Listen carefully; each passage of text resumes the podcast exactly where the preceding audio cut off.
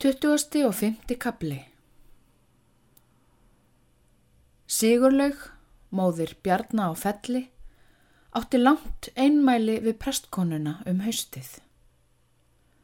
Hún flutti fast bónorð Bjarna og var lett um mál við vinkonu sína.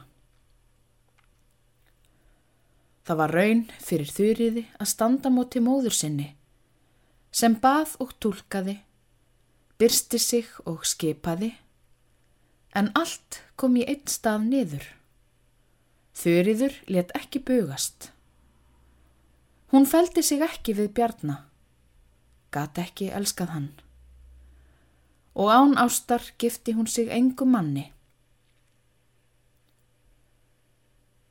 Þegar móðurinn talaði um auðin í felli og gerfileik bjarna, bar hún ekkert á móti því, en satt samt först við sinn keip og sína skoðun.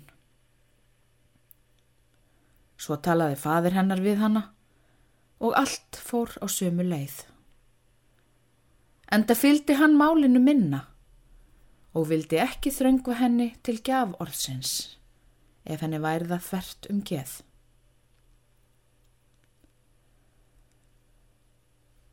Jósteit prestur var tröðla færum að þjóna svo erfiðu kalli lengur.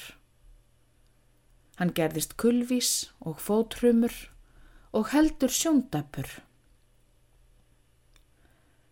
Egil sonur hans að fyrra hjónabandi satt á góður í bújörð suður á landi og hafði góðar tekjur af brauðinu sínu. Þeir voru ekki lindislíkir frændur og hafðu um lengri tíma ekki fundist. Sveimbjörn hafði ekki viljað læra til prests. Svo þá var ekki um neitt skildan að tala. Hér varð að taka vandalösan aðstóðarprest, þó það væri aðgöngu þingra. Vorið eftir kom ný víguður og ungur aðstóðarprestur að grund. Sér að Sveinn var sjálegur maður og gleði maður mikill sem ekki draf hendi við þessa heims fagnaði. Hvort heldur hann böðst á sabbatstegi eða öðrum dögum. Þeir Sveinbjörn og hann örðu fljótt góðir lagsbræður.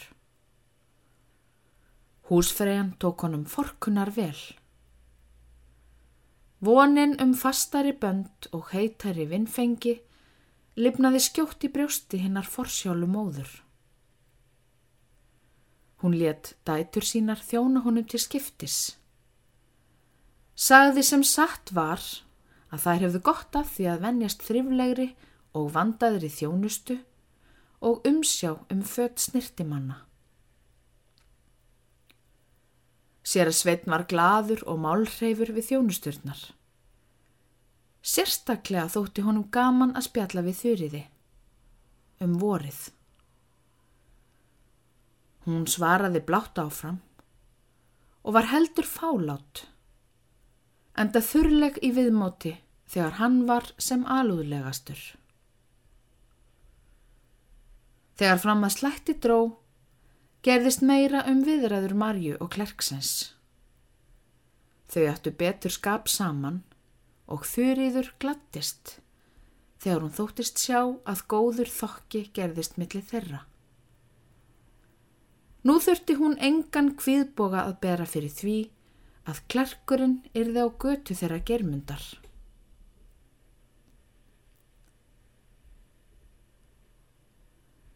Þetta sama vor tók germundur hálft breiðholt til ábúðar. Þórun var fyrir búráðum með honum. Þangað reðst og unglingspiltur 16 vetra gamall. Ekki var fleira hjúa. Geirmundur var starfsmaður mikill, þrifin og aðgætin. Hagur nokkuð bæði á tré og járn. Sá orðrómur lagðist á að hann myndi fjeglökur verða og heldur aðsjálf. Líklegur til að verða efnabóndi og forsjálf í ráðum. Þetta var talað á grund eins og annar staðar. og þurriður roðnaði ætið þegar germundur var nefndur á nafn. Tröstið og vonin hlógu í hjarta hennar þegar hún heyrði föður sinn tala um dugnað og atorku hans. Spáð því að hann erði efnabondi og hugsunarsamur um búnaðinn. Sá að hann tók honum vingjartlega í hvert skipti og hann kom og rætti við fáa unga menn jafn mikið og germund. Móðir hennar var miklu fálegri og kaldari gagvart honum. Líkt og hann að grunaði eitthvað. Þar bjóst þurriður við meiri mótspyrnu og erfiðar í svörum. Þau hefðu að vísu ætlað sér að hafa fáa launfundi, germundur og þurriður. En emdanna verður oft helst til vant þegar æskufjörið er í blóma sínum. Ástinn freistar til munaðar og sælu og köld skinnsemi lítur í lægra haldi fyrir kröfum tveggja samhuga hjartna. Brefin dugðu ekki, nema tíma og tíma. Mart þurfti að ræða og margs að minnast sem þau höfðu ekki tóm eða löngun til að skrifa um. Þau hluti að finnast endur og sinnum. Og þessir fundir jöku grunin og gerðu hann að fullvissu. Það voru ekki svo fáir heimamenn á grund sem hefðu gaman af að leggja saman líkurnar voru viljugir að rölda og skiknast eftir og höfðu gaman af að hjala um nýmælin við kunningja sína. Engver kvíslaði því að húsfreyjunni og hún var fljótað átt að sig. Líta eftir og sjá. Littlu síðar, rétt fyrir jólinn, áttu þar maðgur tal saman og frá þeim samræðum kom móðurinn dökgrauð og brúnaþung, en dóttirinn föl og dapureg.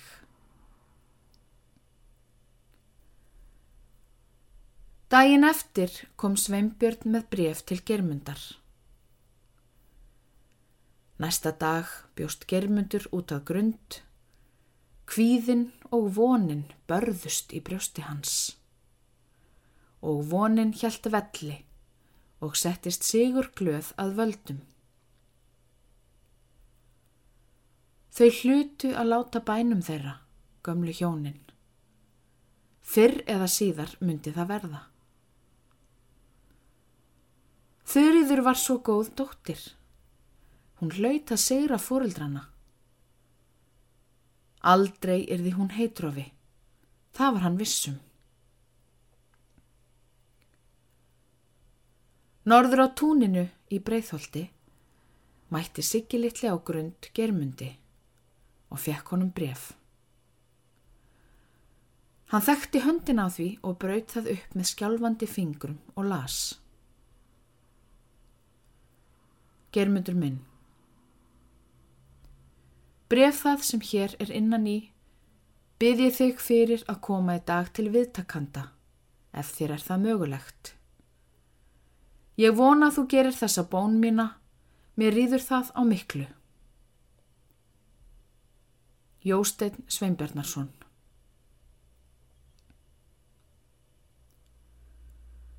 Óskup er hann að verða skjálfendur auðmikið karlinn. Og hvað skildi hann vera að skrifa mömmu? Það gerir hvorkið til nýja frá með það. Ég fer fram eftir fyrst Gott var að rauður var nýjarnaður og færið afbrað. Á hvoru tvekja þurfti nú að halda. Svo hljóp hann heim, hripaði sveimbyrni nokkur orð og gatum hvað hefti för sína í dag. Saðist koma í fyrramálið, bað drengin fyrir brefið. Tók rauð og söðlaði hann og reyðsuður túnið.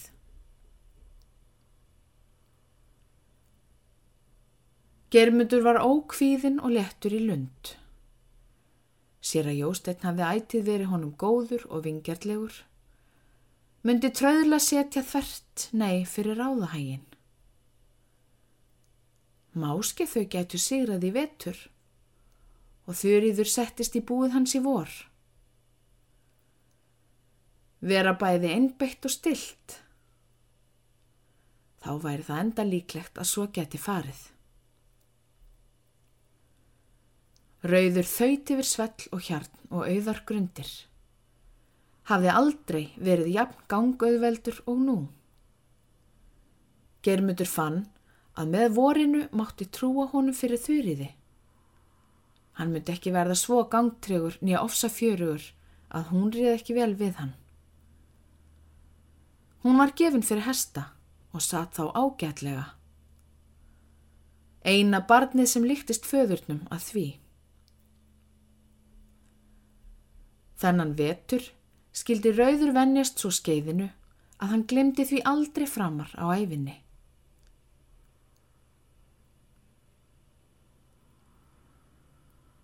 Móður hans tók honum þegins hendi og bað hann að vera hjá sér um nóttina. Þau settust bæði í stofu. Hún kvekti ljós því það var orðið hálf dimt og fór svo að lesa brefið. Germundur satt og hugsaði um að móðir sín myndi gera bústörfin léttari fyrir þurriði. Hún myndi gerna vilja fara til sín. Það hafði hún sagt honum í haust, var erðn og hrust ennþá. Um það var það tala síðar. Hann satt hugsandi og horði niður fyrir sig. Dremdi ljúfa drauma um framtíð og framfarir.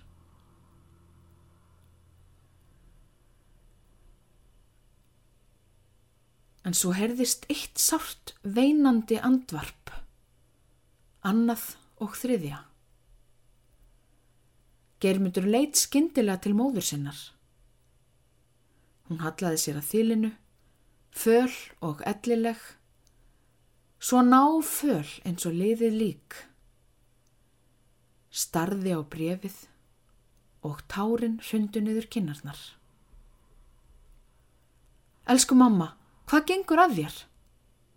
Ertu veik?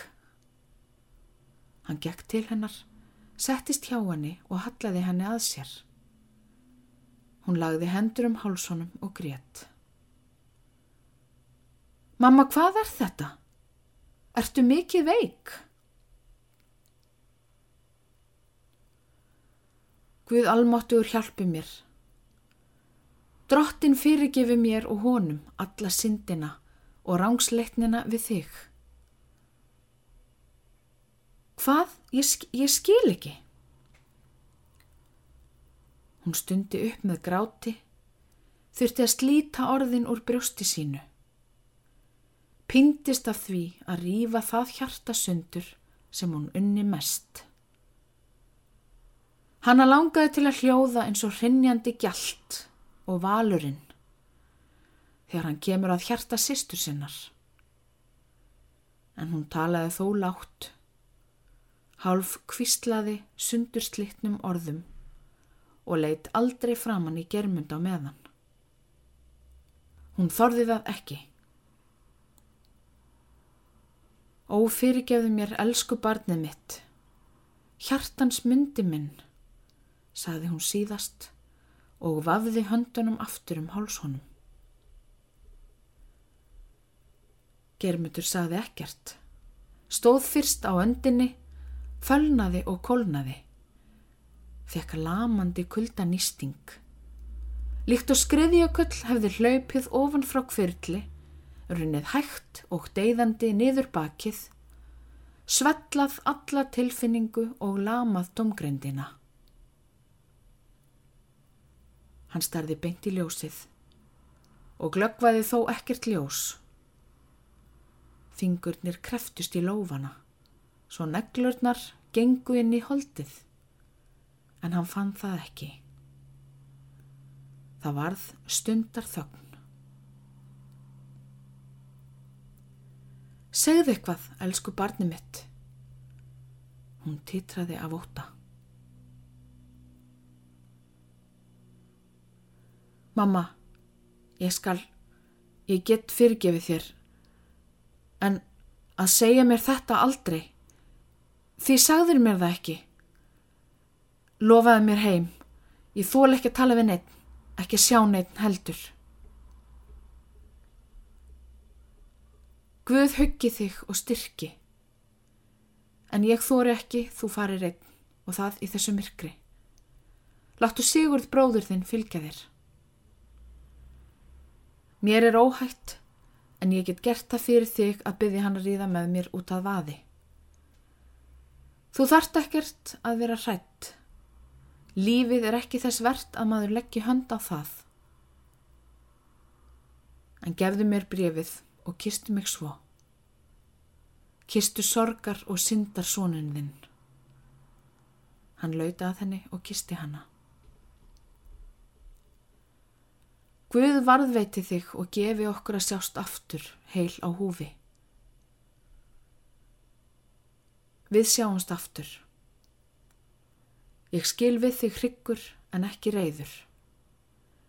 En ég þóli ekki að vera kyrr. Ég verð að fara. Gættu að orðum þínum og verkum. Blessaður stiltu þig. Guð veri með þér. Ég er rólegur. Hann stóð á gólfinu, beinn og ná bleikur, með herpingstrætti við munnin. Nasirnar útþandar og titrandi. En í miðju enninu stóð æðin blá og þrútin. Augun glóðu, þurr og starandi. Sigurður kom inn í stofuna og vildi að Germundur kemi inn og væri nóttina. Germundur þakkaði bóðið en sagðist þurfa heim í nótt og bað Sigurð að ríða með sér út að vaði. Sigurður bjóst skjótlega og bauð Germundi vín. Hann drakk niður til miðs úr flöskunni og sagði svo Fylltu hana aftur og hafða hana með þér. Það er gott að hressa sig á því núna í kuldanum. Geirmundur reið hart út eftir en talaði fátt. Sigurði virtist honum brugði frá því sem vant var.